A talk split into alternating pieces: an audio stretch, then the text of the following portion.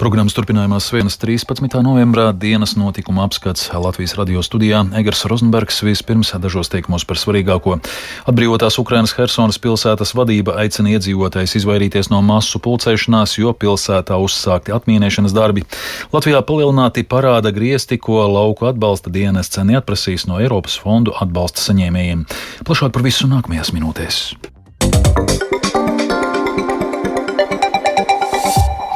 Atbrīvotās Ukrainas Helsonas pilsētas vadība aicinājusi iedzīvotājus izvairīties no masu pulcēšanās, jo pilsētā ir uzsākti atmīnēšanas darbi.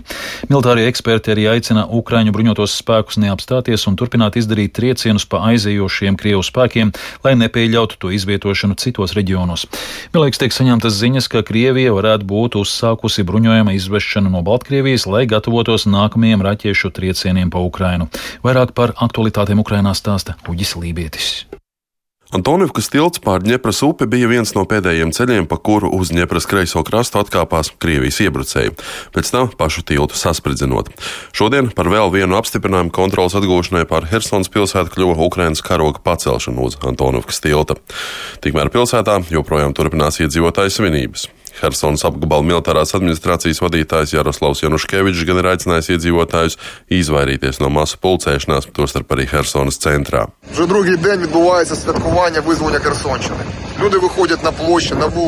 Jau otro dienu turpinās Hersonas atbrīvošanas svinības. Cilvēki iziet laukumos ar Ukraiņas karogiem, priecājas, saka paldies bruņotajiem spēkiem. Taču es gribētu visus nedaudz brīdināt. Pašlaik turpinās atmīnēšanas darbi, jo ienaidnieks ir mīnējis gandrīz visu. Es jūs ļoti lūdzu, nevajag pulcēties vietās ar daudz cilvēkiem. Vēl vairāk, pirmdien, 14. novembrī, notiks arī atmīnēšanas darbi pašā pilsētas centrā.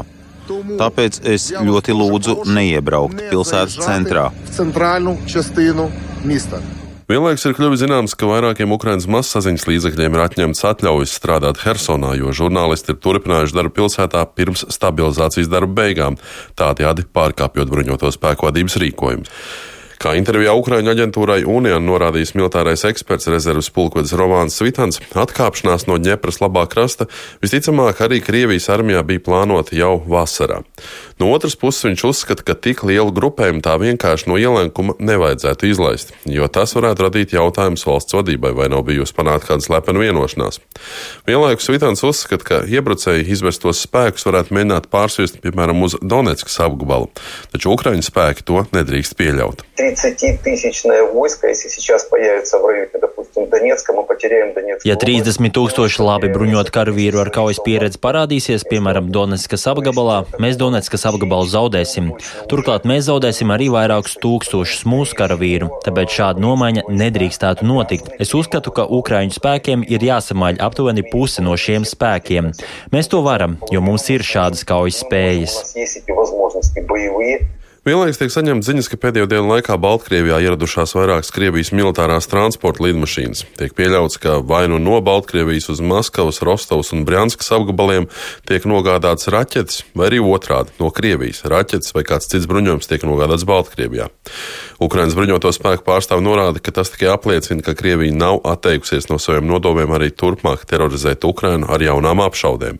Iepriekšējās nedēļās spēcīgākās apšaudes notika tieši nedēļas sākumā. Taču ASV Domnīcas kara izpētes institūts eksperti pauž pārliecību, ka okupācijas spēku aiziešana no Helsonas apgabala daļas raisa ar vien lielāku ideoloģisko šķelšanos starp militarizētajiem Krievijas vadības darbiniekiem un prezidentu Vladimiru Putinu. Turklāt Putinam esot arvien grūtāk nomierināt daļu no saviem vēlētājiem, jo Krievijas bruņotajiem spēkiem nav izdevies sasniegt daudzus no sākotnēji izvirzītajiem mērķiem. Uģis Lībijams, Latvijas Radio. ASV Senāta vēlēšanās Nevadas štatā uzvarējis demokrātu kandidāts, kas ļauj prezidenta Džo Baidena partijai saglabāt kontroli parlamenta augšpalātā arī pēc vidustermiņa vēlēšanām.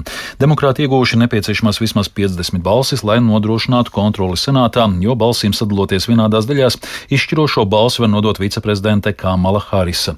Republikāņi līdz šim nodrošinājuši 211 no 435 pārstāvju palātas vietām, un pēc visas spriežot ir ceļā uz to, lai kongresa apakšnamā nodrošinātu nelielu vairākumu.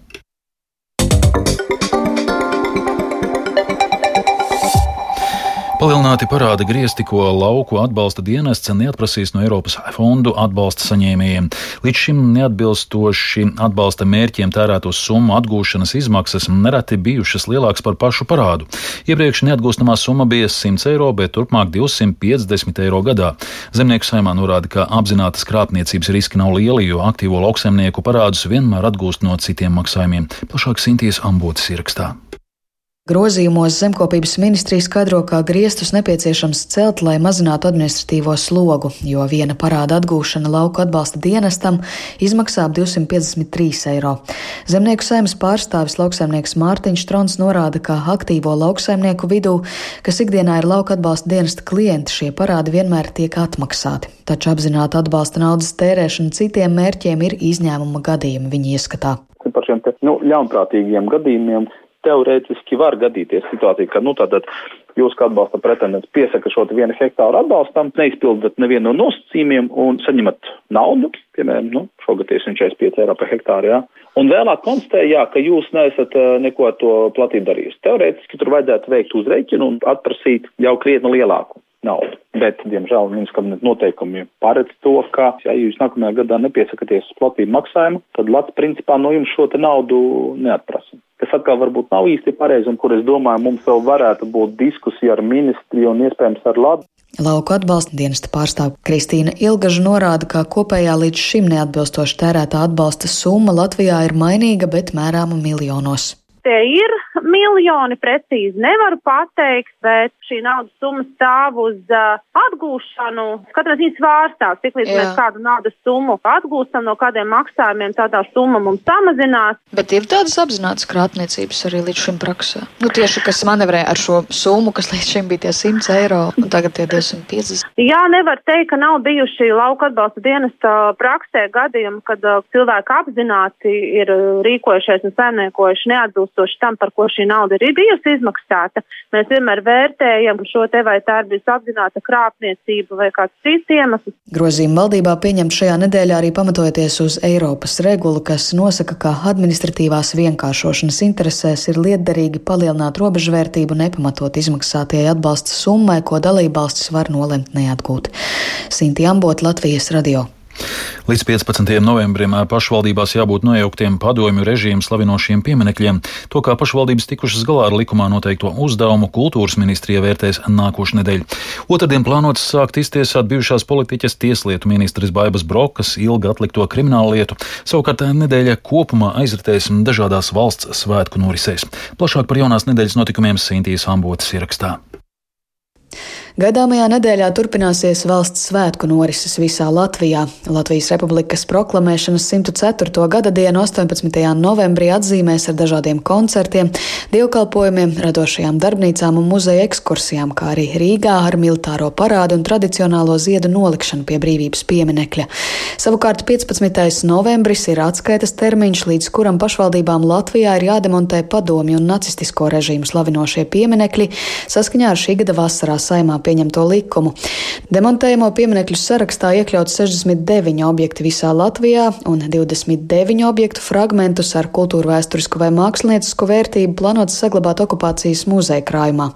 Jau zināms, ka ir nojaukti lielākā daļa sarakstā iekļauto padomi pieminekļu, tostarp Rēzeknē un Daugaupilī, kuru demontāžu dažādi mēģināja aizkavēt pašvaldības. Taču datus par to, vai pašvaldības kopumā ievērojušas likumā prasīto, kultūras ministrija apkopos nākošu nedēļu. Tāpat tieši 15. novembrī plānots sākt iztiesāt bijušās politiķes tieslietu ministres Baibas Brokas kriminālu lietu. Korupcijas novēršanas un apkarošanas birojas Broku aizturēja pirms diviem gadiem.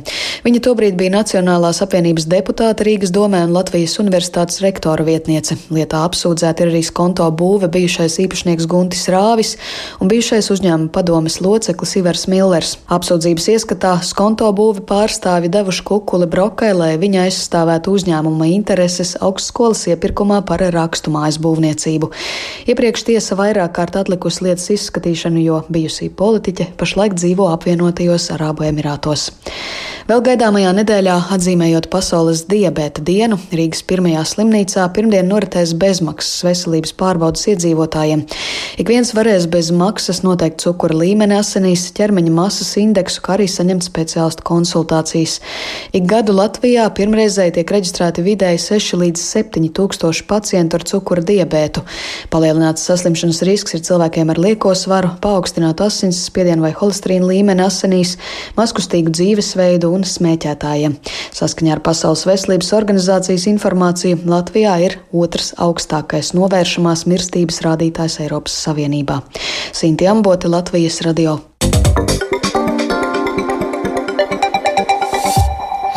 Eiropas hokeja šonadēļ bija startautiskais izlašu pārtraukums, kur izmantoja arī Latvijas valsts vienības. Tikmēr sezonas atklāšanas sacensības Zviedrijā šodien aizvadīja biatloniste Baiba Bendika. Vairāk par sportu pastāstīs Lotārs Zariņš, ar kur esmu sazinājies. Sveiks! Jā, sveiks, Agar, un sveiki, klausītāji!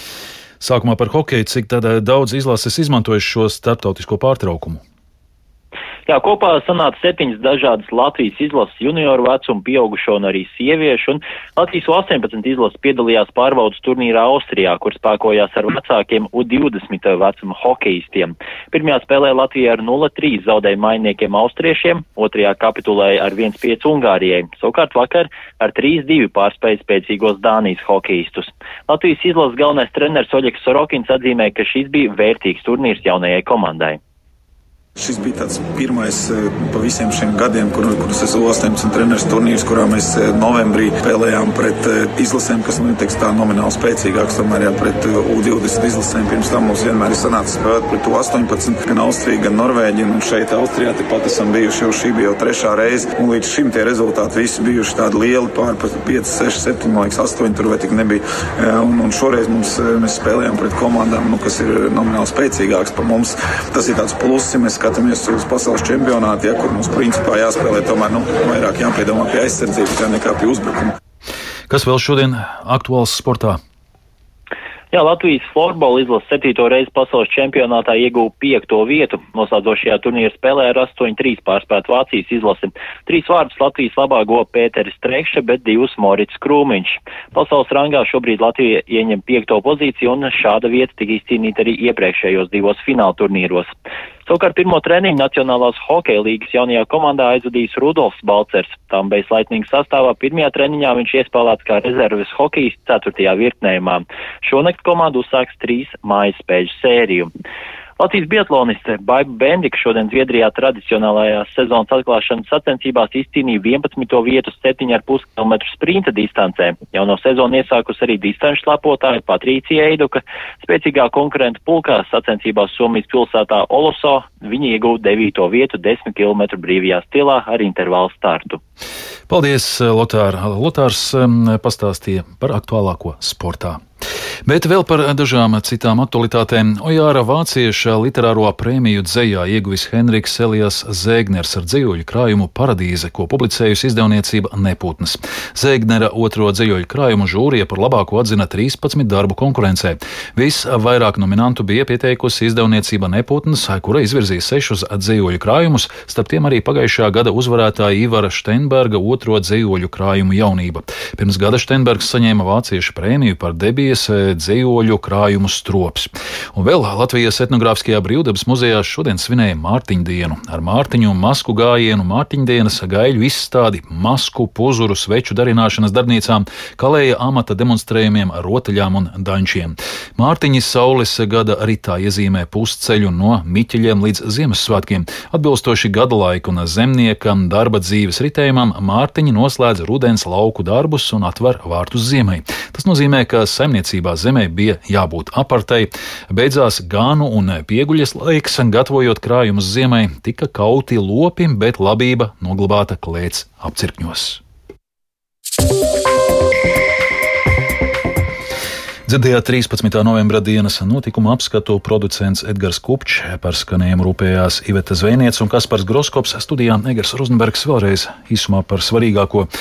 Atbrīvotās Ukrainas Helsonas pilsētas vadība aicina iedzīvotājs izvairīties no masu pulcēšanās, jo pilsētā uzsākti atmīnēšanas darbi.